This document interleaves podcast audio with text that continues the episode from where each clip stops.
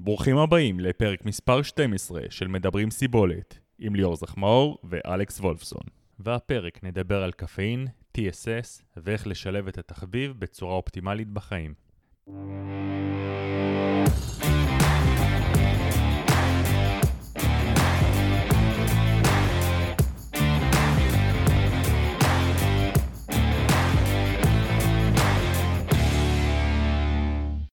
אהלן ליאור, מה נשמע? בסדר, אלכס, מה קורה? טוב, שמע, הרבה זמן כבר לא הקלטנו פודקאסט. האמת זה קצת באשמתי, היה לי קצת אה, עומס בעבודה, אבל הנה חזרנו. אה, האמת שבתקופה הזאת אה, קיבלנו עוד הרבה מאוד שאלות. אני גם רואה הרבה מאוד אנשים ש... שמקשיבים לפרקים קודמים, גם ממשיכים לשאול, להמליץ לחברים. קודם כל, תמשיכו להמליץ לחברים, אנחנו נשמח, זה גם מאוד יעזור לנו. לגמרי. בואו אולי נגיד כמה מילים על המצב עכשיו עם הקורונה, תחרויות וכדומה, גם בארץ, גם בחו"ל. אמ, אתה יודע, קודם כל בארץ הייתה תחרות אחת, היה טריאטלון באשקלון. לעומת זה טריאטלון שהיה אמור להיות טריאטלון ילדים בוטל, אבל תחרויות אופני ערים כן מתקיימות. היו תחרויות כבר, אה, תחרויות ילדים אופני ערים והתקיימו. היה קריטריום בקיסריה, מבוגרים, לפני שבוע והתקיים. אז זה מצב קצת מוזר, כי חלק מהתחרויות מתקיימות בארץ וחלק אה, לא. כרגע בתוכנית יש לא מעט תחרויות בספטמבר, אוקטובר אה, והלאה. גם אופניים, גם אה, טריאטלון, שחייה. שאלה טובה, מה יתקיים ומה לא. אה, מאוד מעניין, אתה יודע, נגיד תחרות כמו האפיק, זו התארגנות מאוד משמעותית, עם הדפסה של חולצות, זאת אומרת, הפקה מאוד מאוד רצינית של הרבה מאוד כסף, והם עכשיו מתנהלים כאילו זה הולך לקרות, ובואו נקווה שזה יקרה. כן, תקשיב, אני מאוד מקווה שזה יקרה, כי לפחות איך שהמצב הוא כרגע, באמת, אתה יודע, כל התחרויות שתיארת, הם קרו אחרי ש... איך נקרא לזה? עבר הגל הראשון. עכשיו נראה שאתה יודע, מספר החולים מתחיל לעלות, ונראה שאנחנו מתחילים לחזור אחורה. אז uh, באמת, נשמע שיש לנו פה סימן שאלה. אני מאוד מקווה שהם כן יתקיימו בסוף, אתה יודע, והאירועים ימשיכו. כן, ו- וגם בחו"ל, אתה יודע, יש תחרויות... Uh... שעדיין אמורות להתקיים באוגוסט, איירומן קזחסטן וכל מיני כאלה. יש תחרויות שנדחו מיוני לספטמבר, איירומן אוסטריה ועוד כמה תחרויות, אה, טאלין. שאלה טובה אם הם יקרו, ואם יקרו, אם ישראלים יוכלו להגיע אליהם, ואם יוכלו להגיע אליהם, הם יצטרכו לחזור לבידוד, לא בידוד. קיצר. כן, כרגע נשמע שהם בוודאות יצטרכו לחזור לבידוד. גם אני חושב שיש תחרויות שבוטלו, נכון? הרבה תחרויות בוטלו, הרבה תחרויות נדחו. אתה יודע, ויטוריה למשל, שהיה אמור להיות ממש עוד כמה ימים, ב-12 ליולי, אה, כרגע נדחה ל-11 לאוקטובר, אבל אתה יודע, הם דחו את זה, אבל זה לא אומר שזה הולך להתקיים. אתה יודע, בסופו של דבר, אנשים שילמו כסף, אה, אני מניח שהם לא פשוט יכולים להחזיר לכולם את הכסף, הם כרגע דוחים את זה, אה, בואו נראה איפה זה ייגמר בסוף. אגב, וגם אם באמת הכסף בסוף יחזור לאנשים. נכון, נכון, לגמרי. אוקיי, טוב, אז uh, הפרק אנחנו, בגלל הרבה מאוד שאלות שקיבלנו, אולי נעשה אותו בצורה קצת שונה. בהתחלה נדבר קצת על uh, נושאים uh, שלנו, גם אולי נושאים שנאספו מהשאלות שלכם, ואחרי זה נעבור קצת לשאלות מאזינים. הנושא הראשון שרצינו לדבר עליו זה TSS, Training Stress Core, uh, שזה בעצם מהאופניים. Uh, ליאור, תסביר קצת יותר על המושג. תראה, בסופו של דבר, אה, אה, סוג של דרך לשקלל אה, עומס שאימון או תחרות כלשהי מייצרת. אגב, בעיקר באופניים, אולי מזה זה התחיל, אבל זה נכון גם לריצה וגם לשחייה. בטח ובטח שהיום יש כבר מדי ואטים לריצה, אתה יודע, כל הנושא של ה Stryd וכדומה, אז כבר אפשר באמת להתייחס לזה הרבה יותר ברצינות, גם בהקשר של הוואטים בריצה. Uh, בסופו של דבר, אתה יודע, הדרך uh, לכמת ולהגדיר כמה עומס אימון מסוים יצר, או תחרות מסוימת, uh, stress, כאילו, או שאני קורא לזה בעברית עומס, uh, uh, וגם למדוד עומס ברמה של אימון, ברמה של שבוע, ברמה של חודש, לנהל עומסים, התאוששות uh, וכדומה. בסופו של דבר, כמו שאתה אומר, הדבר הזה הוא כדי לנהל התאוששות, נכון? אתה רוצה לדעת כמה עומס בעצם השקעת, ואולי לפי זה לתכנן את המשך השבוע.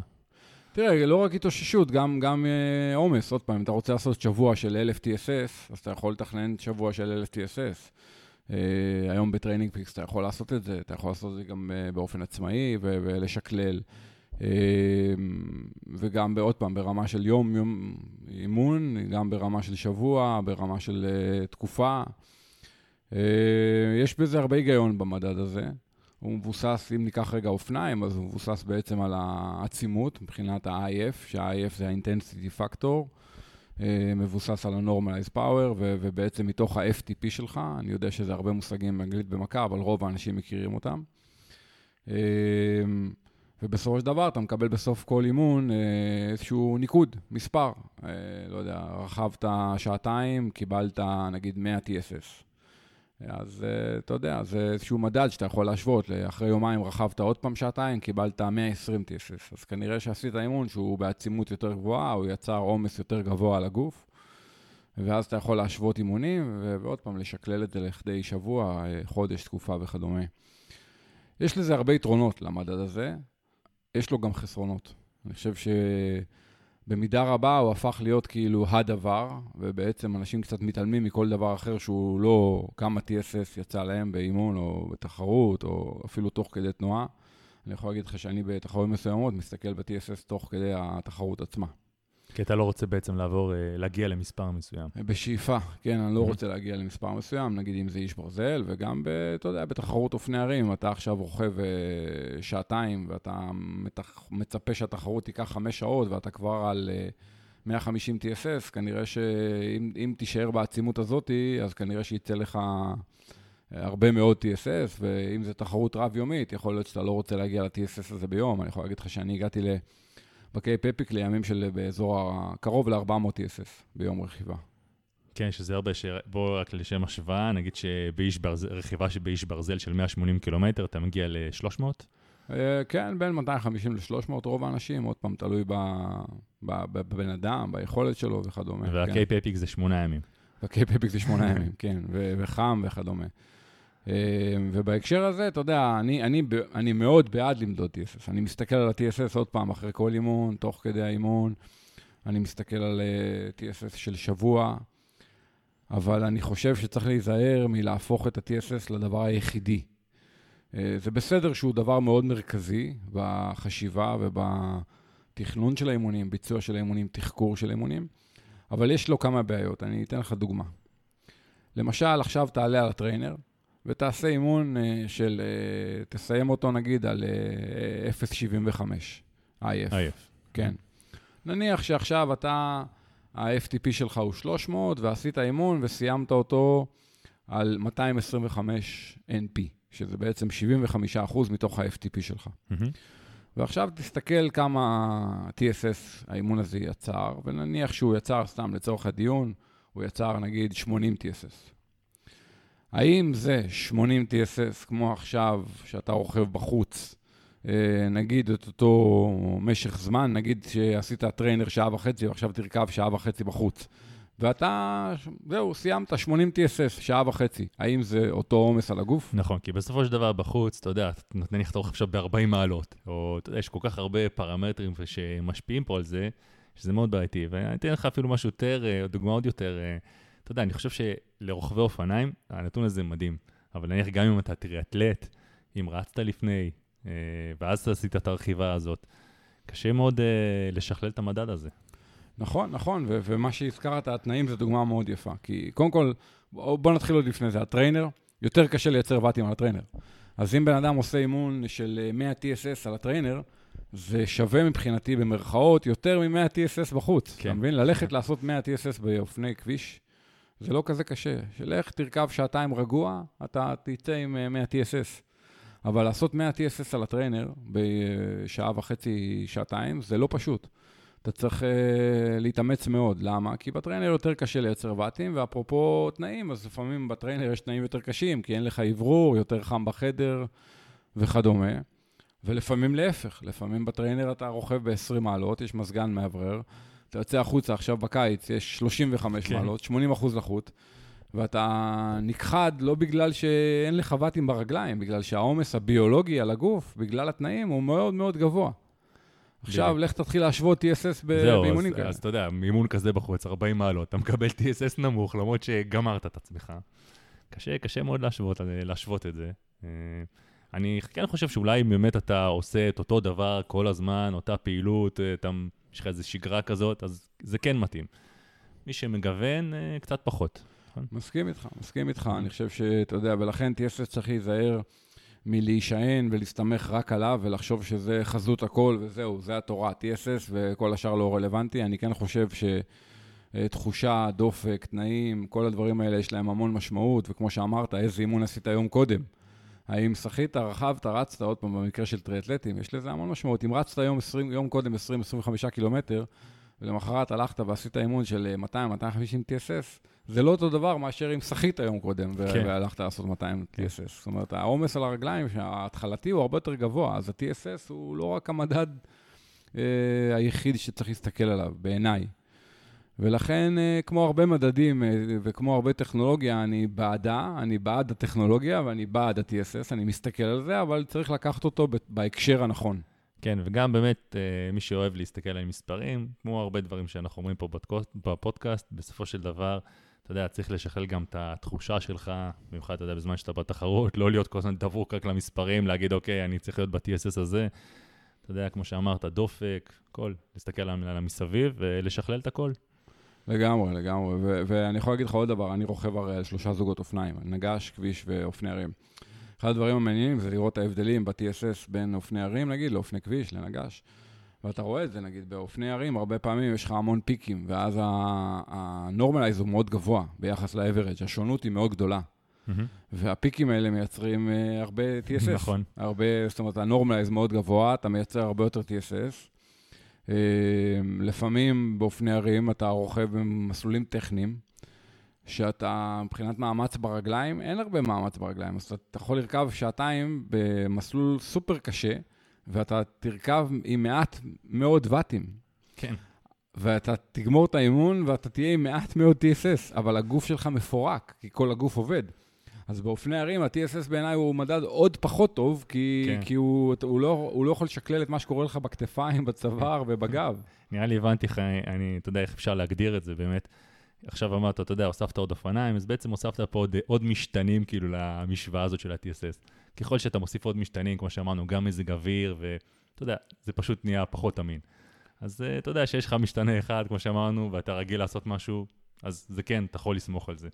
אבל באמת שכל, ככל שיש לך יותר משתנים, אתה יכול פחות לסמוך על המדד הזה פשוט. לגמרי, לגמרי. אז עוד פעם, אני, אני כן בעד להסתכל על זה, באימונים, בתחרויות, ברמת שבוע, חודש, תקופה, אני, אני מסתכל על TSS, אין לי כאילו, גם, זה נחמד, נחמד לדעת לפעמים, אתה יודע, בערך מה העומס שהיית בו, שאתה מסתכל על האימון, אתה יודע, אחרי האימון שאתה מסתכל על הגרמין, זה כן מספר שנחמד להסתכל עליו. גם אתה, נניח, לא מסיק ממנו יותר מדי. אני מסכים איתך, אני יכול להגיד לך שלמשל שהתאמנו לקייפ אפיק, אז עשינו כמה בלוקים של uh, סופי שבוע של מעל 800 TSS בשלושה ימים, באופני ערים. אתה יודע, רכבנו כמה שעות כל יום, עשינו כמה שבועות של 1,000 TSS, אתה יודע, שאתה אומר, אוקיי, השבוע אני, אני מסיים את השבוע מעל 1,000 TSS. זאת אומרת, אז זה כן איזשהו מדד טוב, אני כן משתמש בזה, אבל עוד פעם, הכל בפרופורציה ובהקשר הנכון.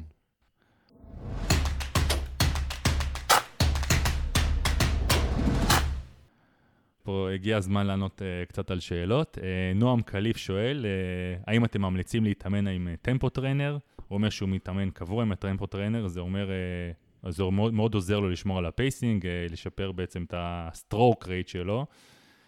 הוא טוען שזה אחלה כלי, אנחנו פחות הזכרנו אותו, uh, לך כן יצא להשתמש, אז אולי אתה תרחיב קצת יותר. קודם כל, tempo trainer זה אמצעי uh, לשחייה. שהוא בעצם סוג של מטרונום. בסופו של דבר, מה שהוא עושה, הוא עושה מין ביפ, ביפ, ביפ, ביפ, ואתה יכול לש... לשנות את המקצב, אתה יכול לקבוע אם הוא יעשה לך ביפ כל שנייה, כל 0.8 שנייה, כל שנייה נקודה 2, בעצם אתה יכול לקבוע מתי הוא יעשה את הביפים האלה, באיזה תדירות. אתה מייצב אותו על המשקפת, הוא יושב, אה, זה מין מכשיר קטן כזה שנראה כמו חצי קופסת גפורים, ויושב על המשקפת, על הרצועה של המשקפת. Mm-hmm. אמ, לפחות בדורות שאני השתמשתי, שזה היה הרבה שנים אחורה, יכול להיות שזה השתנה מאז. אמ, ובעצם עוזר לך אה, לקבוע או להגדיר באיזה קצב אתה תעשה את ההחלפות ידיים, את הגריפות. כלומר, האם אתה תגרוף איקס אה, פעמים לבריכה, או איקס פלוס שלוש פעמים לבריכה. מה זאת אומרת, בכל פיפ אני בעצם מכניס את היד כאילו למים? לצורך. העניין, כן. Mm-hmm. כלומר, okay. אוקיי. אתה יכול להחליט שאתה רוצה להגביר את תדירות החלפת הידיים, את תדירות התנועות שלך. Mm-hmm. אז אתה בעצם מכוון את ה tempo trainer לתדירות מסוימת. ואתה מנסה לעקוב אחרי הביפים ו- ולדאוג שאתה עומד בתדירות של הביפים עם התנועות ידיים שלך, עם הגריפות, אוקיי? וככה אתה בעצם יכול סוג של לתכנן כמה גריפות תעשה פר אה, בריכה, אפשר להגיד, לא? בסופו של דבר. לגמרי, לגמרי. ואז אתה יכול לראות את הקורלציה בין כמות הגריפות לבין הקצב, המהירות בבריכה, השחייה שלך, וגם בשאיפה למאמץ. כלומר, כן. האם אתה... אה, גם שוחה יותר מהר וגם מתאמץ פחות, או שאתה שוחה יותר מהר אבל מתאמץ יותר, שזה רלוונטי יותר אולי למרחקים הקצרים. ולהפך, האם בלונג דיסטנס בסופו של דבר אה, אתה רוצה לשחות מהר יחסית, אבל לא חזק. אז לפעמים דווקא משתמשים בתדירות אה, נמוכה של תנועות, תדירות... כאילו תנועות יותר ארוכות? תנועות יותר ארוכות, יותר איטיות, יותר גלישה, gliding ופחות... נקרא לזה, אתה יודע, אתה יודע, מאוורר כזה, שפשוט, כן. אה, אתה יודע, לוחץ על המים בתדירות קבועה, בום, בום, בום, בום, בום. אלא יותר, אה, אתה יודע, שחייה שהיא יותר אה, ארוכה, יותר גלישה, פחות תנועות, יותר חפיפה בין הידיים, מה שנקרא, מה שקוראים באנגלית catch-up, שהידיים כמעט נפגשות, ששתיהן ישרות קדימה. ואז אתה גולש יחסית הרבה, ובעצם שומר על דופק נמוך ו- וכדומה. אז ה tempo trainer הוא פשוט אמצעי, אה, אתה יודע, לנסות לכוון את כמות הגריפות שלך, את כמות התנועות שלך, בהתאם למה שאתה רוצה, וגם, אתה יודע, אתה יכול להחליט שבאימון מסוים אתה עושה תדירות גבוהה, באימון אחר אתה עושה תדירות נמוכה, תלוי באורך של האימון, בעצימות, וגם באמת תלוי מה החוזקות שלך, החולשות שלך, על מה אתה רוצה לעבוד וכדומה. אמ, בזמנו יצא להשתמש בזה, אני יודע ב-TI בזמנו הם השתמשו בזה המון. אני לא התחברתי למוצר הזה, ניסיתי אותו כמה וכמה פעמים, באיזשהו שלב הוא יצא מהתיק שחייה שלי. אה, אבל אתה יודע, זה אמצעים זה משהו מאוד אה, אינדיבידואלי. יש אנשים שמשתמשים באמצעים מסוימים והם מכורים אליהם, ויש כאלה שלא מצליחים. אתה יודע. תגיד לי, ולך זה פחות יתאים? למי, למי אתה חושב שזה כן יתאים? למי זה לא יתאים? אה, חבר'ה מתחילים, מתקדמים? מי... אני חושב שכן, לחבר'ה יותר מתחילים זה יכול מאוד לעזור אולי באמת, אתה יודע, מי שכאילו... נגיד רוצה להאט את קצב התנועות שלו. הרבה אנשים שוחים בקצב מאוד תנועות מאוד גבוה, שזה מאוד עוזר להם אולי בשביל לעשות בריכה, 2, 20, אבל כשהם רוצים לשחות ה 3-4 קילומטר, אז זה שוחק אותם. כן, אבל מצד, מצד שני, אתה יודע, נראה לי למישהו מתחיל יותר קשה לתכנן את הדבר הזה, יותר קשה אולי באמת לעמוד בקצב הזה. שוב פעם, אתה יכול אה, לשנות את הקצב, אבל עדיין קצת... אה, כן, אבל לצורך העניין אתה יכול לשים tempo trainer ולשים פולי, ואז אתה מציף את האגן, כן, מציף נכון. את הרגליים, ואז אתה יכול נגיד להוריד את הקצב תנועות, כי יש לך יותר ציפה, ואז אתה פחות גם באיזו תחושה כזאת שאתה שוקע, אז אתה יכול, אתה יודע, להחליט שאתה עושה מניפולציה על הקצב תנועות שלך ומנסה לייצר תנועות יותר ארוכות, יותר gliding וכדומה. עוד פעם, אה, אמצעי בעיניי אחלה, אני לא נגדו, אבל אני לא משתמש בו. כן, האמת, אני, אני לא ניסיתי, אבל uh, תשמע, זה נשמע מעניין, ואולי אני אבדוק את זה בהמשך, כי חזרתי לשחות. מעולה. כן, אוקיי, אה, נועם פה מזכיר עוד אה, איזה אמצעי יחסית חדש, שזה בעצם המשקפת של אה, חברה שקוראים לה פורום, mm-hmm. שזה בעצם משקפת שבה יש, אפשר להגיד, מסך, זה מאוד דומה לקסדות של אלביט מהמטוסים, שיש לך בעצם צג במשקפת, ואפשר לראות שם את המהירות שאתה שוחה, את המהירות שאתה שוחה ל-100 מטר. אני חושב שבדגמים החדשים יש שם גם, זה בא עם GPS, אתה גם אשכרה יכול להשתמש בזה במים פתוחים, שזה נחמד, כי עד היום היה מאוד קשה, כאילו לפחות לדעת את הקצב, את הקצב שלך שאתה נמצא במים פתוחים. עכשיו אתה יודע. הדבר הבא אולי, שהם עדיין לא הוציאו במשקפת הזאת, זה שתוכל אשכרה לראות, אם אתה עכשיו בתחרות, שיהיה לך, שה-GPS בעצם יגיד לך לאן לפנות, שמאלה, ימינה. אה, מוצר מאוד מעניין. לגמרי, קודם כל המוצר הזה קיים כבר לא מעט זמן. הוא קיים, אה, אתה יודע, כגרסת אה, ניסוי אה, כבר לדעתי שנה-שנתיים, וכבר אני מכיר אנשים שמשתמשים בגרסאות הראשונות. אתה יודע, בעצם כמו שיש לך באופניים או בריצה איזשהו צג שמראה לך תוך כדי, ובשחייה לא היה לנו עד היום, אז עכשיו יש, אתה יכול לראות כאילו את הנתונים תוך כדי שחייה. אני חושב שזה יכול להיות מוצר מאוד מעניין, אני עוד לא השתמשתי בו. אני לא מרגיש סופר לחץ אה, להשיג כזה, כי אני לא מרגיש שזה ישפר לי את אימוני השחייה בצורה יוצאת דופן, אבל אולי אני, אתה יודע, אולי אני אופתע לטובה. שאתה יודע, אתה רואה בכל שנייה נתונה באיזה קצב אתה. אני חושב שאני די יודע להרגיש באיזה קצב אני ובאיזה עצימות אני, אבל אני בטוח שיש אנשים שזה יכול מאוד לעזור להם, כי הם חושבים שם על קצב X והם בעצם על קצב Y.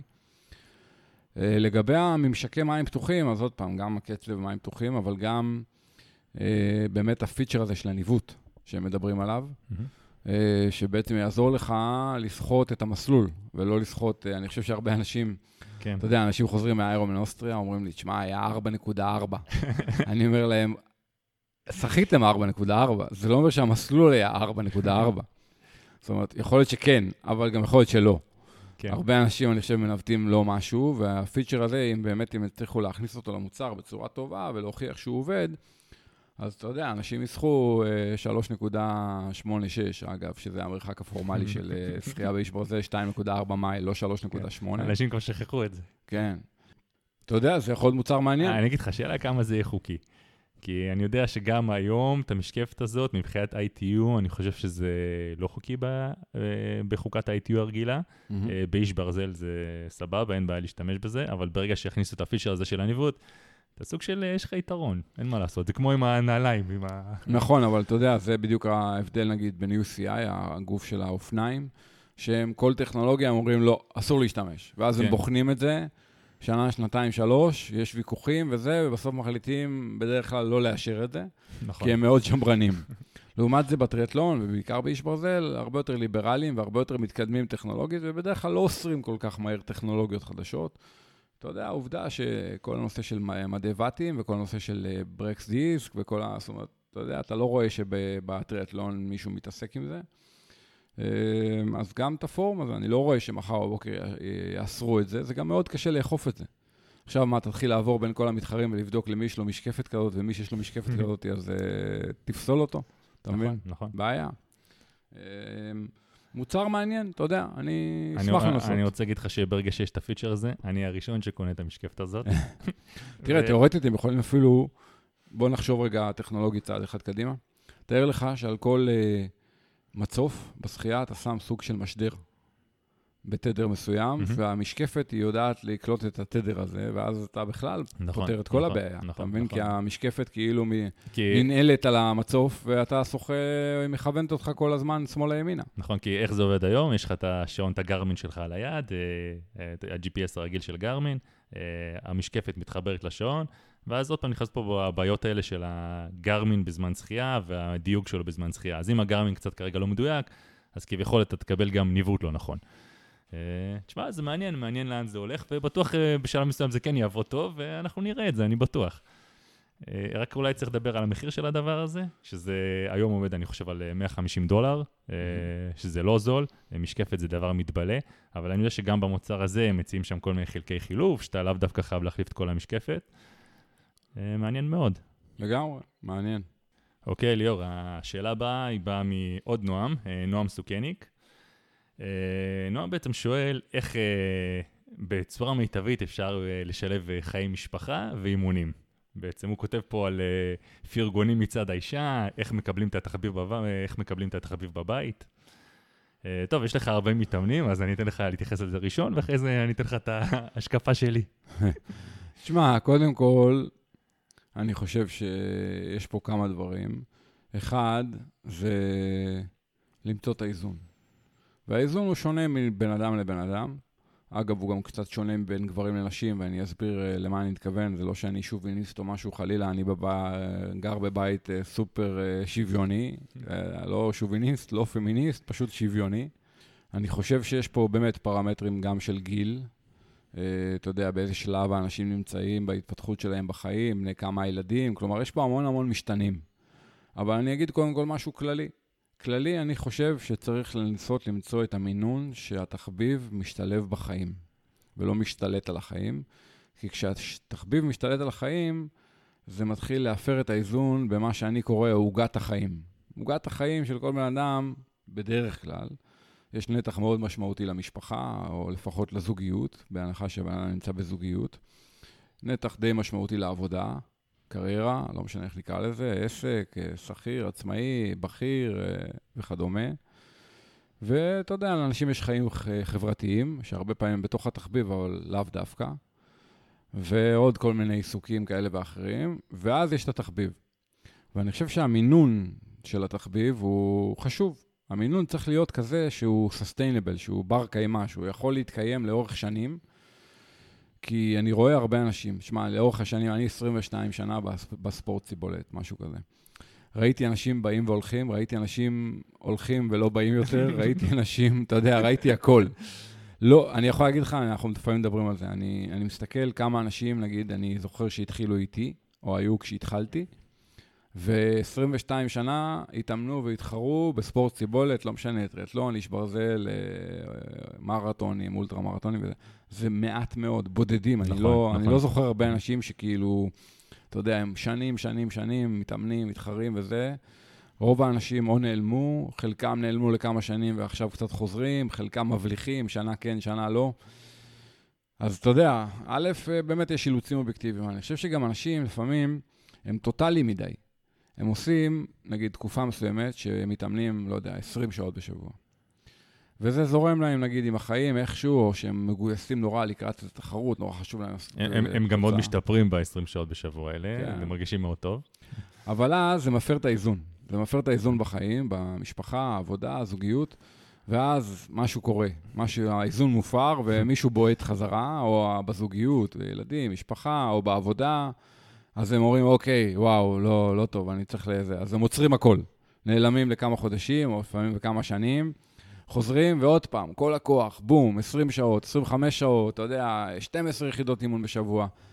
ואז עוד פעם, האיזון מופר, ואז, וחוזר חלילה. ואני אומר לאנשים, אני רוצה שעה וחצי ביום. תן לי שעה וחצי ביום. אם אתה נותן לי שעה וחצי ביום מהחיים שלך, בשאיפה בבוקר, באמצע השבוע, ראשון עד חמישי, ובוא נגיד עוד כמה שעות טובות בסוף שבוע, שיותר קל לייצר אותן, אז אפשר להתאמן לכל דבר, למרתון, לאולטרה מרתון, וגם לאיש ברזל. אני חושב שלאיש ברזל, אם בן אדם עושה, אה, אתה יודע, 12 שעות בשבוע, בהרבה שבועות בשנה, Mm-hmm. הוא יכול לעשות בסוף, נגיד, כמה שבועות עם קצת יותר שעות. תשמע, 12 שעות בשבוע זה גם, אה, אם אתה חושב על זה, זה גם אה, יחסית הרבה. תראה, בוא, בוא נעשה רגע מתמטיקה. בוא נגיד שבן אדם עושה שעה וחצי ביום, ראשון עד חמישי. זה שבע וחצי שעות. לא נשאר לך הרבה ל-12 שעות, אתה מבין? נשאר לך בעצם עוד ארבע וחצי שעות. אז תביא, תביא עוד שעה וחצי ביום שישי, נגיד, ותביא שלוש שעות ביום שבת. כן. אוקיי? כן. תביא אותם מאיפשהו. והנה, עשית שבוע של 12 שעות, אתה מבין? ראשון עד שישי התאמנת שעה וחצי ביום, ובשבת התאמנת שלוש שעות, ועשית 12 שעות. זאת אומרת, אני לא חושב שזה בשמיים. ואני חושב שזה די, זה משהו שהוא יחסית די סוסטיינבל לרוב האנשים ברוב השנים שלהם, לרוב, ברוב השבועות בשנה. עוד פעם, אני לא אומר שצריך לעשות 12 שבועות כל, שעות כן. כל שנה, אבל אתה מבין, כ-state of mind, על זה אני מדבר, על זה שכאילו, שבן אדם עושה למשל יחידת אימון אחת ביום, ובשאיפה היא מוקדם בבוקר, אז אני חושב שהוא מאוד מעריך את חיי, את החיים שלו בתחביב. אתה מבין מה אני מתכוון? כן, כן. אה, זה יהיה הרבה יותר סוסטיינבל. אני למשל מאוד משתדל לא לתת לאנשים לעשות שתי יחידות ביום. לא שאני נגד, מקצועית, ברור שאני בעד, mm-hmm. אבל אני רואה מה קורה לאורך זמן. בן אדם נשחק גם פיזיולוגית כי הוא מתעייף, כי הוא, הוא משחיל את היחידה השנייה או מאוחר בלילה. בלחץ. כן. Mm-hmm. או כן. שהוא עושה דברים אחרים עד מאוחר בלילה, כי הוא התאמן אחרי הצהריים לפנות ערב את היחידה השנייה. במקביל, הוא כועסים עליו בעבודה, כי הוא הולך מוקדם הביתה יותר מדי פעמים.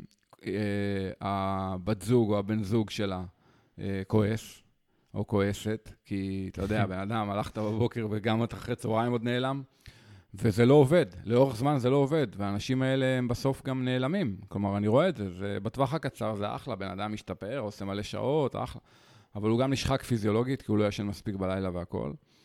וגם נשחק מנטלית, כי אתה יודע, הוא כל הזמן בסטרס. העבודה לא, לא מרוצים, כועסים עליו, בבית כועסים עליו, הוא מרגיש שהוא לא משנה מה הוא עושה, כולם כועסים עליו. ולכן אני נגד זה. אני חד משמעית אומר שאני חושב שרוב הספורטאים החובבים צריכים להתאמן רוב השנה בשאיפה אימון אחד ביום. get it out of the way, כאילו first thing in the morning, וזהו, אתה מבין? ואז גם אין לך את ה... זה לא יושב לך על הראש, העוד אימון הזה כן, בערב כן. וזה, עוד הרגש- פעם. הרגשות אשם האלה, שאתה חייב כן. לעשות את העוד אימון הזה. כן, אז כאילו, אתה. יודע, ככה אני... זה, זה, זה דבר אחד, זה באופן כללי, כדי שזה ישתלב בחיים. הדבר השני, עוד פעם, אני חושב שמי שיכול אה, להכניס את המשפחה שלו פנימה, במידה מסוימת, אז אני חושב שזה אחלה. אתה יודע, אני... אני לא יודע אם זה מזל, או שזה קרה בגללי, או שזה הכל ביחד, אבל בסופו של דבר המשפחה שלי היא חלק מהתחביב שלי הרבה מאוד שנים. אה, אתה יודע, הם, אה, הבנות שלי ואשתי, והן באות איתי לתחרויות, גם בארץ, גם בחו"ל, הן חיות את זה, אתה מבין? הם כאילו לא, זה לא משהו שאני עושה מחוץ לחיי המשפחה באופן... הסתדרת. אה, אז אתה יודע, עוד פעם, זה עניין של, אה, זאת תמיד השאלה, אבל בסופו כן. של דבר, אתה מבין, אני לקחתי את הבנות, ואשתי הייתה איתי, והבנות שלי, הם היו איתנו פעמיים בהוואי. הן חיות את זה, אתה מבין? כאילו, זה חלק מה... הם היו איתי באולטרה בשוויץ, והיו איתי בעוד תחרויות באיירומן בחו"ל, ובאיסרמן כמובן. כלומר, אני, אתה יודע, ואז אה, אני חושב שזה משהו שהוא הופך להיות אה, קצת שונה בהקשר הזה. אז אה, אתה יודע, זה עוד דבר. הדבר הבא זה באמת תקופות. אני חושב שיש לכל אחד שנים, או לפחות תקופות של כמה חודשים, שבהן אה, נכון להוריד טיפה את המינון ולעשות איזונים שונים בתוך אה, עוגת החיים. אתה יודע, אם עכשיו למישהו נולד ילד, אז אני חושב שזה הגיוני ולגיטימי ומתבקש שהוא עכשיו יהיה כמה חודשים קצת יותר מיינדד לדבר הזה, ו- ויכול להיות יתאמן פחות, יכול להיות יתחרה פחות. מצד, ש... מצד שני, אשתך בחופשת, בחופשת לידה, ויש לך זמן. הבנתי. אה, קודם כל, היום גם גברים עושים חופשת נכון, לידה, וחוץ נכון. מזה, אתה יודע, נכון, יש לי נכון. המון מתאמנות, אז אתה יודע, הם... אה, ברור. אבל רובן אה, כבר, כבר אחרי גיל ילדים צעירים. אז אני אומר, אתה יודע, אני חושב שיש תקופות. עכשיו, אותו דבר קידום בעבודה. בן אדם קיבל קידום בעבודה, אני אומר לך, אני רואה את זה אצל מתאמנים. בן אדם עכשיו פתאום מינו אותו לאיזה תפקיד מאוד משמעותי. בדרך כלל, אתה יודע, הדבר הנכון לעשות זה לא להתחייב לאיזו תחרות גרנדיוזית בעוד חצי שנה, כי זה לא יעבוד, אתה מבין? הוא מצפים ממנו שיהיה 12 שעות ביום בעבודה עכשיו כמה חודשים, הוא גם רוצה להוכיח את עצמו. אז עכשיו ללכת לאיזו תחרות uh, מטורפת ולנסות כאילו להילחם את כל החזיתות, אני חושב שזה לא נכון לעשות את זה. אני מסכים, מצד שני, זה לפעמים, הרבה פעמים זה מצב לא פשוט עם עצמך, גם uh, בקטע של, אתה יודע, אתה רואה שהתקדמת עד נקודה מסוימת, אתה נמצא במקום מסוים, אתה מתקדם טוב, אתה משתפר בכושר, אתה מגיע להישגים, uh, אני מדבר בספורט, ואז uh, פתאום uh, לקחת צעד אחורה, זה מאוד קשה. אתה יודע, צריך מאוד, uh, אתה יודע, לך קל להגיד את זה אולי אחרי הרבה מאוד שנים בספורט, שאתה יותר מסתכל על זה ב... במקרו כזה, אבל uh, למישהו אולי יחסית חדש, או באמת, דווקא מישהו שכל- שרואה שכל הזמן, כל הזמן רואה את השיפור, נניח היום אתה רואה פחות את השיפור, אבל למישהו חדש זה הרבה יותר קשה. נכון, אבל זה הדבר הנכון לעשות. אם הוא רוצה להמשיך בתחביב לאורך שנים, הוא צריך בתקופות מסוימות להוריד רגל מהגז, לא בגלל הקטע, רק בגלל הקטע הפיזיולוגי, בגלל הקטע, עוד פעם, של החלוקת קשב, של ה... אתה יודע, של העומסים, של ההתפלגות של החלקים בעוגה. ו- ואז, אתה יודע, אם הוא ידע להוריד רגל רגע מהגז ולהירגע טיפה ולמנן טיפה את הדברים לכיוון משפחה, עבודה, וזה בתקופות מסוימות שבהן זה, זה לא רק uh, לגיטימי, זה כמעט מתבקש ונדרש. אז אני חושב שהוא יוכל להמשיך לעסוק בתחביב עוד הרבה מאוד uh, שנים, אתה מבין? ולא, ולא להיעלם. כן, כן. לא, שמע, אתה נותן פה טיפים מאוד טובים. אני שואל את עצמי כמה זה באמת אה, ישים לכל אחד, כי אתה יודע, זה כמו כל דבר, זה מאוד אה, אישי לכל אחד ולמצב שלו. אני חושב שבתחום שלנו הרבה פעמים אנשים ש... אתה יודע, אולי בגלל מגוון ענפים, שחייה, רכיבה, ריצה, כשאתה כל כך נכנס לזה, אנשים לפעמים מאבדים פרופורציות, מתחילים להשתגע, כמו שאמרת, אה, שתי אימונים ביום, ואתה יודע, לוקחים את זה אה, רחוק מדי. אה, לך זה מאוד חשוב, ואתה חושב שזה באותו רגע הדבר הכי, אתה יודע, הכי ממוקד בזה, אתה קצת, זה מאוד, גם הספורט הוא שלנו מאוד אגואיסטי, אתה קצת, קצת מתנתק אולי מהסביבה, מהמשפחה, אז גם, כמו, כמו שאמרת מקודם, כאילו, חשוב לצד, אה, לקחת צעד אחורה, צעד אחורה רגע, להסתכל על זה קצת יותר, אה, אתה יודע, אולי בראייה יותר אובייקטיבית, שוב פעם, זה לא קל, אבל... אה, אני, אני מסכים איתך מאוד, אמרת את המילה אגואיסטי ואני מסכים איתך. אני חושב שאנחנו לפעמים, מי שעמוק בתחביב, לפעמים לא מסוגל רגע לעשות רגע זום אאוט ולהסתכל בפרספקטיבה רחבה ולהבין שהוא משקיע המון זמן, הוא משקיע המון אנרגיה, הוא גם משקיע המון כסף. אתה יודע, הוא לוקח מהסל נכון. הכלכלי המשפחתי ומשקיע בעצמו ערימות של כסף. סכומים לא מבוטלים. סכומים לא מבוטלים, שבאותו סכום, אתה יודע, אפשר היה לעשות משהו, נגיד, משפחתי, שהוא, אתה יודע, הוא מאוד משמעותי. וגם את זה צריך אה, לזכור, אתה יודע, אה, בסוף אה, מי שמנהל משאבים מוגבלים ולא אינסופיים. תראה, אני יכול להגיד לך, אני אתן לך דוגמה קונקרטית. שהייתי בישראמן וגם בהוואי. אז אנשים שאלו אותי, תגיד, לא מפריע לך שהמשפחה איתך, כאילו? אתה יודע, בכל אופן, אתה צריך קצת להיות, אתה יודע, איתם, ולפעמים כשהילדות שלי היו קטנות, אז אתה צריך ממש לדאוג להם, ולחתל אותן, ולהאכיל אותן, ואתה יום, יומיים, שלושה לפני תחרות, ואתה, הראש שלך עסוק, ו... בא לך להיות עם עצמך ומרוכז, ואתה לא ישן בלילה כי הילד מתעורר, או דברים כאלה. ואני אומר לאנשים, תקשיבו, זה, זה, כשאני... זה לא מעניין אותי, אני, לא אכפת לי, כאילו. אני חושב שזה... אני ככה אני רוצה את זה. כאילו, אני מוכן לא לישון טוב בלילה, ואני מוכן לחתל את הבת שלי, או להאכיל אותה, או זה, שהן היו קטנות. ואני יודע שכאילו, זה קצת מפריע לי כאילו להתרכז ולהתארגן לתחרות וזה, אבל אני חושב שזה הדבר הנכון לעשות, ואני לא, אין לי בכלל דילמה בעניין הזה. ואני יכול לספר לך עוד אנקדוטה קטנה, אני הייתי, התחרתי בהוואי שלוש פעמים. פעמיים המשפחה הייתה איתי, היה לי תחרות מעולה. פעם אחת המשפחה לא הייתה איתי, התפרקתי לגמרי. אז אתה יודע, אני אמרתי כבר שהפעם הבאה שאני נוסע להוואי, אני לוקח את המשפחה רק בשביל לא להתפרק. כן. האמת, אני, אני חושב שאני דווקא נמצא בצד הנגדי של uh, מה שאצלך. אצלי המשפחה פחות מעורבת, יש לי שתי ילדים קטנים, אז הם בכלל עדיין לא בדיוק uh, מבינים uh, מה קורה. ואצלי נניח, אתה יודע, אני יוצא לתחרות כזאת, שוב פעם, אנחנו, זה משהו מאוד אגואיסטי. בסופו של דבר, uh, אצלי זה, מהמשפחה זה כמו קנס, ובסופו של דבר אני איכשהו, אתה יודע, אם אני כנראה אסע לחו"ל uh, לתחרות, אני אקח גם את המשפחה לחו"ל, אני אנסה כל פעם איכשהו כן לאזן את זה. כי כמו שאתה אומר, אתה יודע, במיוחד בסופי שבוע, אנחנו משקיעים שעות, אתה יודע, במיוחד לפני uh, איש ברזל כזה, אתה יוצא לרכיבות האלה של החמש, שש שעות האלה בסופש, הבעל או אישה, כל הזמן הזה בבית עם הילדים, במיוחד אם זה ילדים קטנים, שזה המצב שלי. שמע, זה לא פשוט, אני, אתה יודע, אתה, אני מבין את הצד השני. אני כן, הרבה אימונים כן, אתה יודע, מנסה אולי לעשות בתוך הבית, uh, על הטרנר, כי ככה, אתה יודע, המשפחה מרגישה, מרגישה שאתה יותר שם, אז uh, באיזשהו מקום זה איכשהו גם נתפס בצורה יותר טובה. תשמע, זה לא פשוט, אני יכול להגיד לך, זה לא פשוט, ואני מבין את השאלה פה של נועם אה, לגמרי, אין לי תשובה חד משמעית. לא, אני מסכים איתך עוד פעם, תראה מתי שהילדים שלך יגדלו, ואז אתה תראה שזה יותר קל, כי כשהילדים גדלים זה כבר פחות צריך להעסיק אותם ולטפל בהם ולהאכיל אותם ולטייל איתם והכול. הבעיה שבשלב הזה אתה כבר נהיה מבוגר, ואני אומר לך בתור אחד, אחד שיודע, מה שנקרא, אתה, אתה יודע, יש לי יותר זמן להתאמן ויותר אפשרות, אבל זה כבר לא רלוונטי. אתה לא אומר, אני, אני אחלש ואני אהיה כמוך. משהו כזה. כן. אוקיי, ליאור, אתה מוכן לעוד שאלה? בטח. אוקיי. אה, עופר גליצקי שואל. Uh, האמת, הוא שואל על משהו באמת שגם אני טעיתי כבר uh, הרבה פעמים. הוא שואל על, הטר... על התחרויות שטח של אקסטרה. Mm-hmm. אוקיי, XTERRA זה בעצם טריאטלון uh, בשטח, שמאוד נפוץ בחו"ל. לפחות, אוקיי, לא עכשיו, אבל uh, במשך השנים. יש גם אליפות עולם בהוואי ב XTERRA. הוא שואל בעצם למה התחום לא פרץ בישראל. יש כאן המון רוכבי שטח וגם המון טריאטלטים שרוכבים בשטח, אז למה אנחנו בעצם לא רואים את זה כאן? אוקיי, okay. אז קודם כל בואו נדבר רגע, ניתן רגע סקירה מה זה XTERRA, כן. משהו קצת יותר רחב. XTERRA זה תחרות שהיא בעצם טריאטלון, אבל במקום לרכוב בכביש, רוכבים בשטח, ובמקום לרוץ בכביש, רצים בשטח. המרחקים הקלאסיים הם בדרך כלל בשחייה כמו בטריאטלון אולימפי, כלומר 1,500 מטר שחייה. באופניים בדרך כלל רוכבים סביב 30-32 קילומטר, כשהרעיון הוא לנרמל את זה ל-40 קילומטר בכביש כאילו, פחות או יותר. Mm-hmm. למרות שהתחרות היא בדרך כלל קצת יותר ארוכה מאשר uh, טריאטלון אולימפי, אבל סביב ה-30 קילומטר רכיבה, אופני ערים, uh, דרכי עפר, סינגלים, uh, חלק טכני, חלק פחות וכדומה.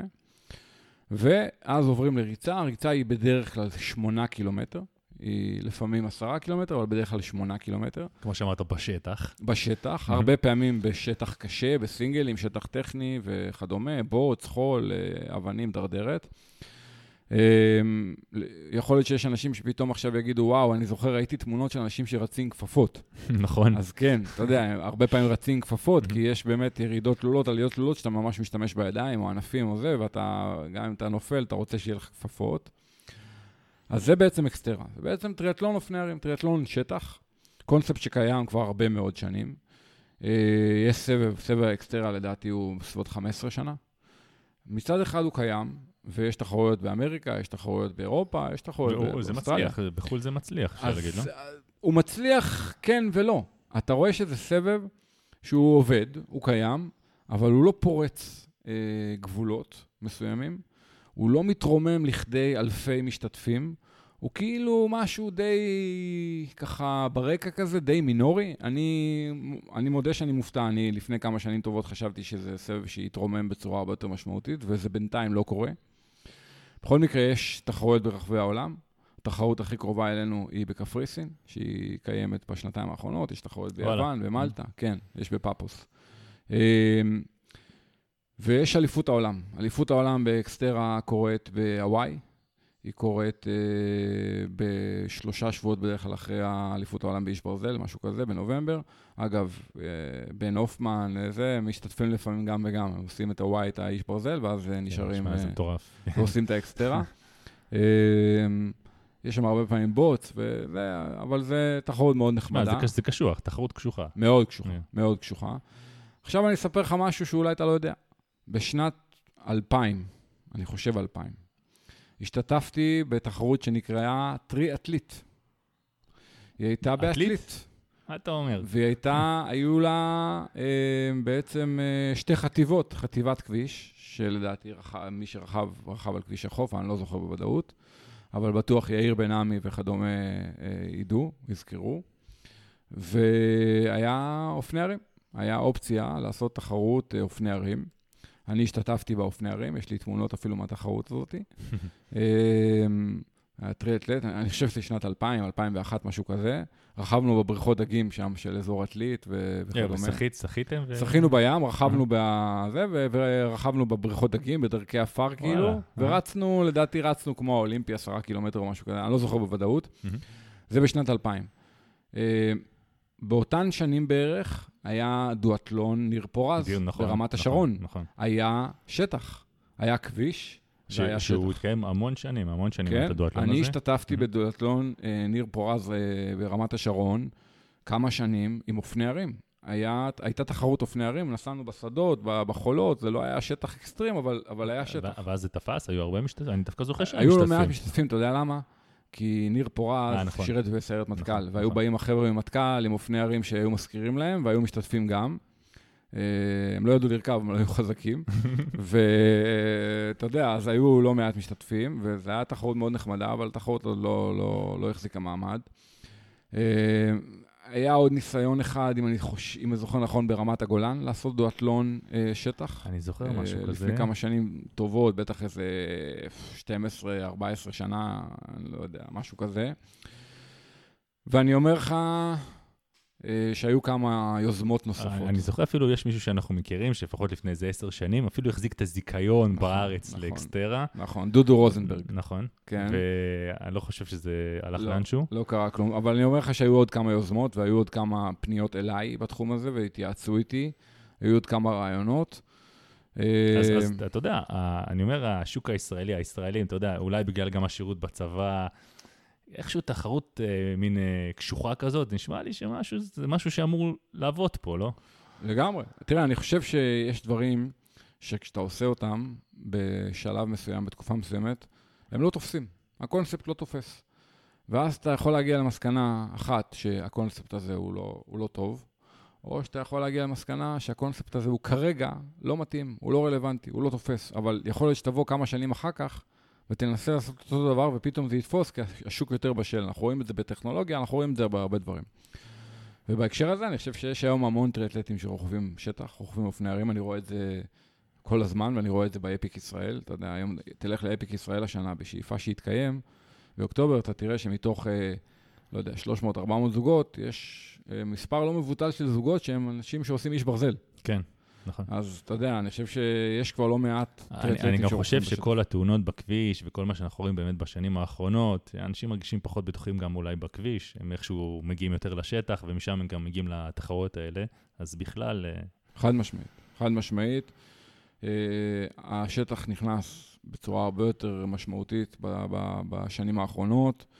התחרויות שטח הן יותר משמעותיות, כמו למשל אפיק ישראל, שזו התחרות אופניים הכי רצינית בארץ ביפר, אתה יודע, אין שום דבר שקרוב לזה. כן. ויש לא אני, מעט... אני רואה גם שהרבה קבוצות טריאטלון היום uh, פותחות uh, קבוצת שטח, אפילו אתה, נכון? אה, אתה יודע, סוג של לא באמת קבוצת שטח עד הסוף, אבל אתה יודע, איזושהי פעילות כאילו, שטח שהיא יש לך כרגע איזה- מינורית. גם איזה ענף כזה של אה, ענף שטח, בגלל כנראה הביקוש לזה. כן, כן, אצלנו בקבוצה יש לא מעט חבר'ה שרוכבים בשטח, ואני מאוד בעד, אני, אני חושב שדיברנו על זה באחד הפרקים. יש לזה המון ערך מוסף, פיזיולוגי, טכני, מנטלי, אה, אתה יודע, אני חושב שזה אחלה ספורט, והרבה יותר בטיחותי, עם הרבה יותר אדרנלין מאשר איש ברזל. איש ברזל זה ספורט די יבשושי בה- בהקשר הזה של האדרנלין. אז אה, אתה יודע, יכול להיות שתהיה פה תחרות אקסטרה והיא תתפוס, אני בהחלט בעד. אתה, אין לך איזה בשורה לספר לי על איזה סילבן אדמס שרוצה לקנות את הזיכיון בארץ ולעשות את זה פה? בינתיים עוד לא. אוקיי, סבבה.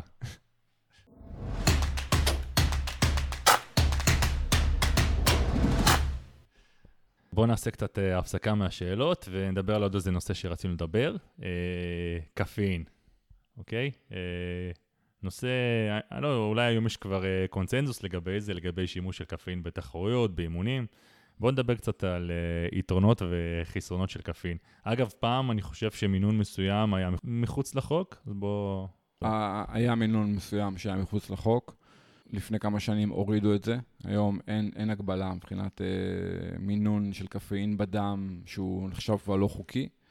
זה היה בעבר, עד לפני כמה שנים טובות, והחליטו להוריד את האיסור הזה, את המינון הזה, מבחינת ה-World Anti-Doping Agency. יעני זה ה-WADA. 600 מיליגרם, משהו כזה. זה? לא, לא, לא, זה היה 12 מיליגרם, משהו, אני לא זוכר בדיוק את הנתון, את המספרים, אבל אה, אתה יודע, גם כדי לחרוג מזה, היית צריך באמת לשתות עשרה שוטים של אספרסו ברצף, אבל בוא נגיד שהיו אנשים שעשו את זה, אתה יודע, אה, כן. אה, מי שזוכר בספר של לאנס אמסטרונג, אה, שיש לנו הרבה דברים אה, רעים להגיד עליו, אבל בספר הוא דיבר על מישהו שרוכב, שלא הרבה אנשים בטח זוכרים, שקראו לו דיוויד זבריצקי, שהוא היה גם רוכב נגש ממש טוב. והוא אומר שדיוויד זבריצקי היה שותה עשרה שוטים של אספרסו ברצף לפני אימון, אז זה כבר מינון שבזמנו היה אסור, אבל היום, היום אין, הורידו את ההגבלה הזאת. תראה, אני אגיד לך כמה דברים על קפאין. קודם כל, קפאין כעיקרון הוא, הוא ממריץ, הוא מעורר, ומה שממריץ ומעורר הוא בעיקרון משפר ביצועים, אלא אם אתה עכשיו בספורט שבו אתה צריך להיות סופר מרוכז וזה, בוא נגיד אם הייתי אה, יורה באקדח אוויר באולימפיאדה, אז לא הייתי שותה קפאין, אלא להפך, הם לוקחים חומרים שאתה יודע, מורידים את הדופק כן. וכדומה. אבל לספורט שהוא ספורט אה, שבו אתה אמור להיות בעצימות גבוהה ובאנרגיה גבוהה, אז קפאין הוא חומר שאתה יודע, הוא ממריץ, הוא מעורר, הוא משפר ביצועים אבל עכשיו. אמרת, אמרת בדוגמה הנגדית שזה מוריד את הדופק. פה הקפאין גם די מקפיץ לך את הדופק. אז יפה. אז הקפאין, תראה, יש לו. יש לו כמה חסרונות. בואו נתחיל מהן דווקא. נתחיל מהחסרונות. החיסרון הראשון שהוא מעלה את הדופק. אז אם אתה בספורט שבו אתה רוצה לעשות, אתה יודע, אימון או תחרות הרבה שעות, לפעמים דופק גבוה זה דבר שהוא לא טוב. כי אתה יודע, אתה אה, בעצם שוחק את הגוף, דוחק את הגוף לדפקים גבוהים, וזה אחת הבעיות בקפאין. הבעיה השנייה של הקפאין זה שהוא נחשב לחומר שהוא קצת משתן, אוקיי? או מעודד התייבשות. עוד פעם, חלק מהמחקרים מראים שלא, שאם, שאם אתה בפעילות, אז אין כל כך את הבעיה הזאת. יש לגבי זה איזשהו, איזושהי חוסר הסכמה לגבי האם כמה הוא משתן, אם בכלל וכדומה, אבל בוא נניח שכן, לצורך הדיון. אה, אתה יודע, אלה החסרונות העיקריים. והחיסרון הבא הוא באמת מינון יתר. כי עזוב רגע מותר או לא, לא מותר, אה, יש אנשים שרגישים לקפאין, ואז אם הם עוברים מינון מסוים, ההשפעה שלו מתחילה להיות לרעה. כלומר, הם מתחילים להרגיש לא טוב, מטושטשים, לא מרוכזים, מתחילים לאבד יכולת. כלומר, בסופו של דבר, אם בן אדם עובר מינון מסוים, היכולת שלו נפגעת, היא לא כן. משתפרת. כלומר, זה כמו כל דבר, עד, עד מינון מסוים זה משפר, ממינון מסוים זה פוגע. Uh, המינון שנחשב למשפר הוא בדרך כלל בסביבות 4 גרם לקילוגרם משקל גוף, אוקיי? כלומר, אם עכשיו בן אדם שוקל, נגיד, סתם לצורך העניין 75, אז אם הוא יצרוך נגיד 300 מיליגרם קפאין, אז זה מינון שהוא נחשב אה, משפר ביצועים, בין 4 ל-6 בדרך כלל מדברים ברוב המחקרים. כמובן שגם במינון יותר נמוך זה עדיין אפקטיבי, אבל אתה יודע, זה המינון שנחשב כאילו האופטימלי, אה, לפחות לפי המחקרים שאני מכיר.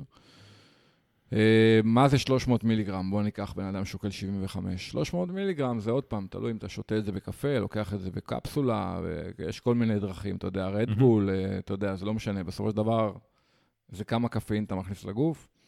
אה, או בנוזל, או ב, ב, ב, אתה יודע, בקפה, או ב, אתה יודע, בכדור, או כל אחד איך שהוא לוקח את הקפאין.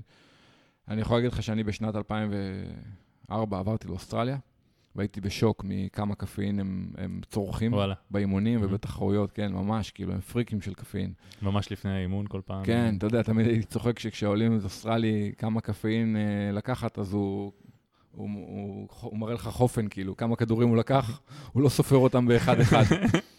יש שם באוסטרליה כדורים שנקראים no-dose, קונים אותם over the counter בתחנות דלק ובקיוסקים וזה, והם, זה, זה 100, לא זוכר אם זה 100 או 200 מיליגרם, הם אוכלים כאלה בערימות, כאילו. זה, אתה יודע, לי תמיד זה היה נראה מוגזם, אה. כן.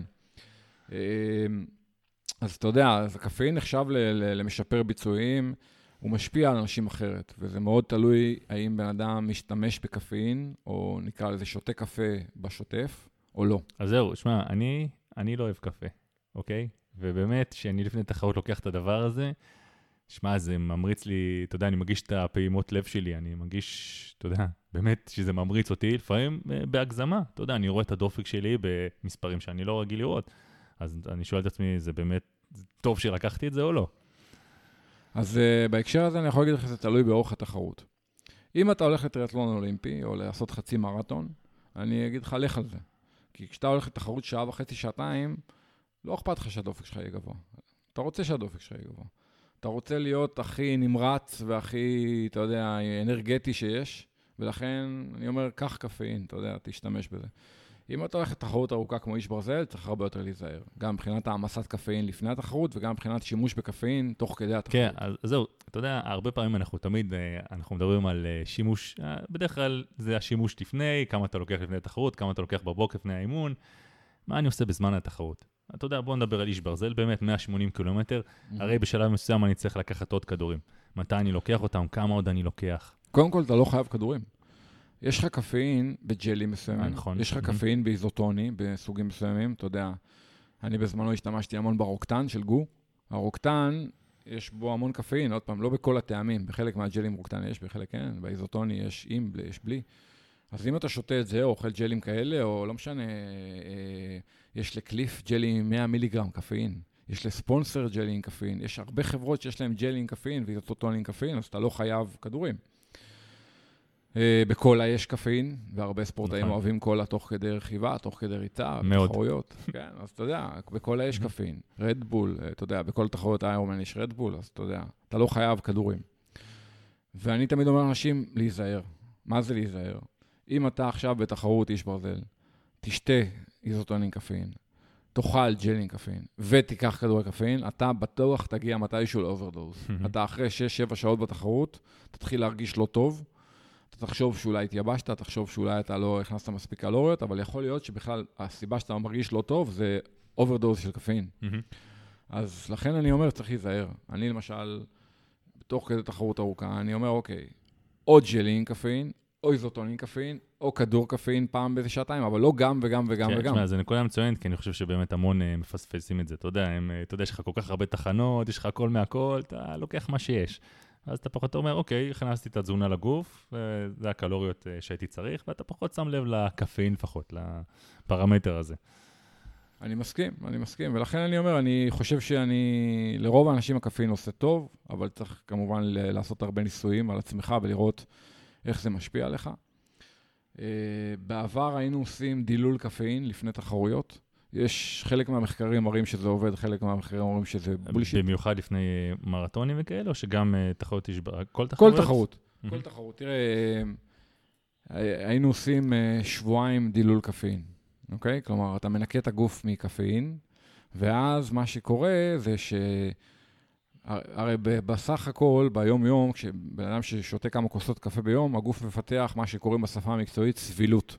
הגוף מהמם. מפתח סבילות לקפאין, הוא מפתח סוג של עמידות לקפאין. הקפאין פחות משפיע עליך מאשר בן אדם שלא שותה קפה או לא משתמש בקפאין.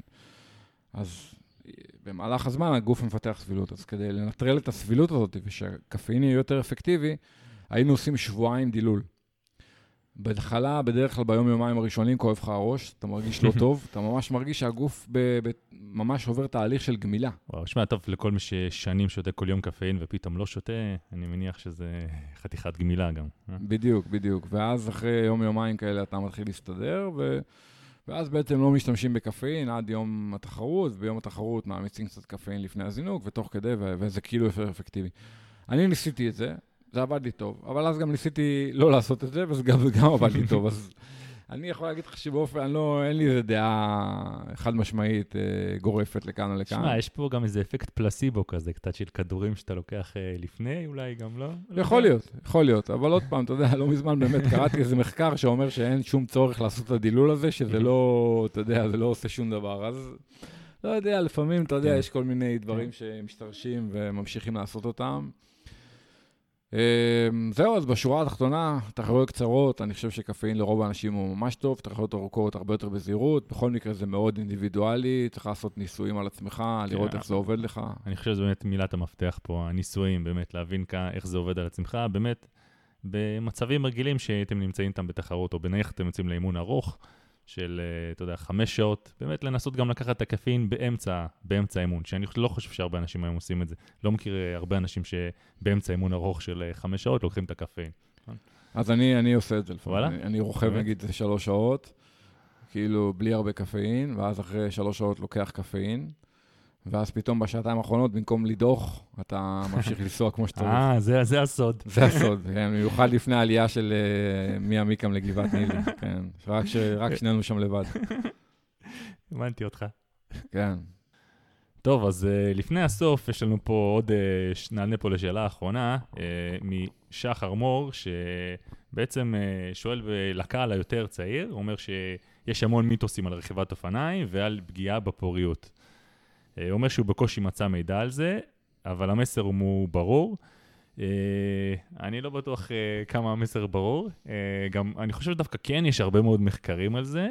אני אישית לא מכיר איזה באמת אה, מחקר חד משמעי. מה, מה איתך? שמע, המח... הסיבה לזה היא בגלל שההיגיון אומר שאם אתה יושב כל היום על אזור החלציים שלך, זה כנראה לא עושה לך טוב, אה, לא מבחינת הלחצים, הטמפרטורה וכדומה, ואז זה עלול לפגוע בפוריות, עוד פעם, בעיקר בהקשר של גברים. אתה יודע, אני, אה, יש המון דיבורים על זה, המון שמועות על זה, זה כאילו, אתה יודע, נושא שהוא, אתה יודע, הוא על השולחן, אבל אני לא מכיר מחקרים שמוכיחים את זה בצורה חד משמעית. ואני גם רואה הרבה מאוד רוכבי אופניים שיש להם ילדים, אז כן. כנראה שזה לא משהו לפחות, אה, אתה יודע, חד-חד ערכי. גם שמע, זו כותרת שמאוד אה, קל לפרסם אותה, אתה יודע, באיזה אתר כזה ספורט, איזה פורטל ספורט. אה, רכיבה על אופניים פוגעת בפוריות, וכולם נכנסים, כי זה נושא מאוד, אתה יודע, כן, אף אחד לא רוצה לי שהפוריות שלו תיפגע. תשמע, אני יכול להגיד על עצמי, יש לי ילדים, גם לך יש ילדים. כן. תשמע, אבל שוב פעם, אני מניח שזה מאוד אישי, ובסופו של דבר, שאנחנו אולי כן יוצאים, אתה יודע, לפעמים או לתחרויות מאוד, אתה עובר איזה מאמץ כל כך רציני, ואתה יושב בין כל כך הרבה זמן על האוכף, יכול להיות שיכול להיות מאוד להיות שאתה כן פוגע במשהו, אתה יודע, כזה סטרס על הגוף. אתה יודע, אנחנו לא רופאים, כן, יכול להיות פגיעה לטווח הקצר, אתה יודע. אה, אני לא- אני לא יודע אם יש פגיעה, אתה יודע, שהיא גורפת והיא לטווח הארוך, אני לא, באמת לא כן, יודע. אני גם חושב שפגיעה לטווח קצר זה נשמע, כן. זה נשמע הגיוני. כן. תראה, אם בן אדם יישב 15 שעות בשבוע על הטריינר, יכול להיות שזה, אתה יודע, נגיד, אתה מבין, בגלל הטריינר, לא סתם אני אומר, כי זה מאוד סטטי. ברכיבה בחוץ אתה הרבה יותר דינמי, אתה קם מהאוכף, אתה, אתה יודע, אתה זז, בטריינר אתה הרבה יותר סטטי. אז אתה יודע, אנחנו משתמשים באוכפים טובים, בפדים טובים, כן, ביבים זהו, טובים. אפרופו הטריינר, אני רוצה להגיד לך שדווקא הרבה אנשים אומרים, אוקיי, מה, אני עכשיו על הטריינר בבית, אף אחד לא רואה אותי, יאללה, אני אקח את הביב הזה שאני רציתי לזרוק, בואו נשתמש בו, מה, מה אני צריך, אה, אתה יודע, עכשיו אה, להתלבש, ב, לשים את הביב המפואר שלי? ואני חושב שזו טעות אה, גדולה. אתה יודע, אני דווקא, דווקא לטריינר, אני לוקח את הביב הכי מפנק, אתה יודע, כי בסופו של דבר, המאמץ שם, איכשהו הישיבה על האוכף היא הרבה פחות תמיד נוחה, אתה מאוד סטטי, אתה לא זז, אתה לא קם מהאוכף. אני חושב שזה סופר חשוב דווקא כן לה, להשקיע בביב טוב, במיוחד באירועים כאלה. אני סופר מסכים איתך. בביבים הכי טובים שלי, אני משתמש על הטריינר. לא, באמת, כאילו, אתה יודע, אין, חד משמעית, כאילו, אני, אתה יודע, אני אומר, אין, משתמש בביבים הכי טובים שלך על הטריינר, כי שם זה הכי פחות נוח, ושם הביב הוא הרבה יותר קריטי בעיניי, אז אתה יודע, מאשר בחוץ, שאתה קם וזז ו... וכדומה. כן. חוץ מזה, אני האמת שאין לי הרבה מה, מה להוסיף uh, בנושא, חוץ מבאמת, כן, כמו שאמרת שם עם הביב, כן לנסות, אתה יודע, להשקיע בציוד שכן יהיה לך נוח עליו, נוח עליו, שלא תרגיש שאתה סובל, שלא מהשנייה הראשונה שאתה על האוכף, תרגיש שכואב לך, לא נוח לך, אבל אתה חייב לשבת ככה, כי ראית את, uh, לא יודע, קמרון וורף ב- ביוטיוב יושב ככה בהוואי. לגמרי.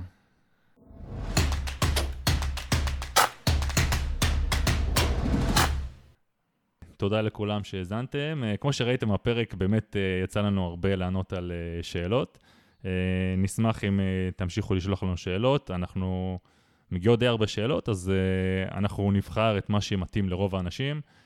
מה שלא ייבחר גם יקבל מענה בפייסבוק או איפה שתשלחו את השאלה.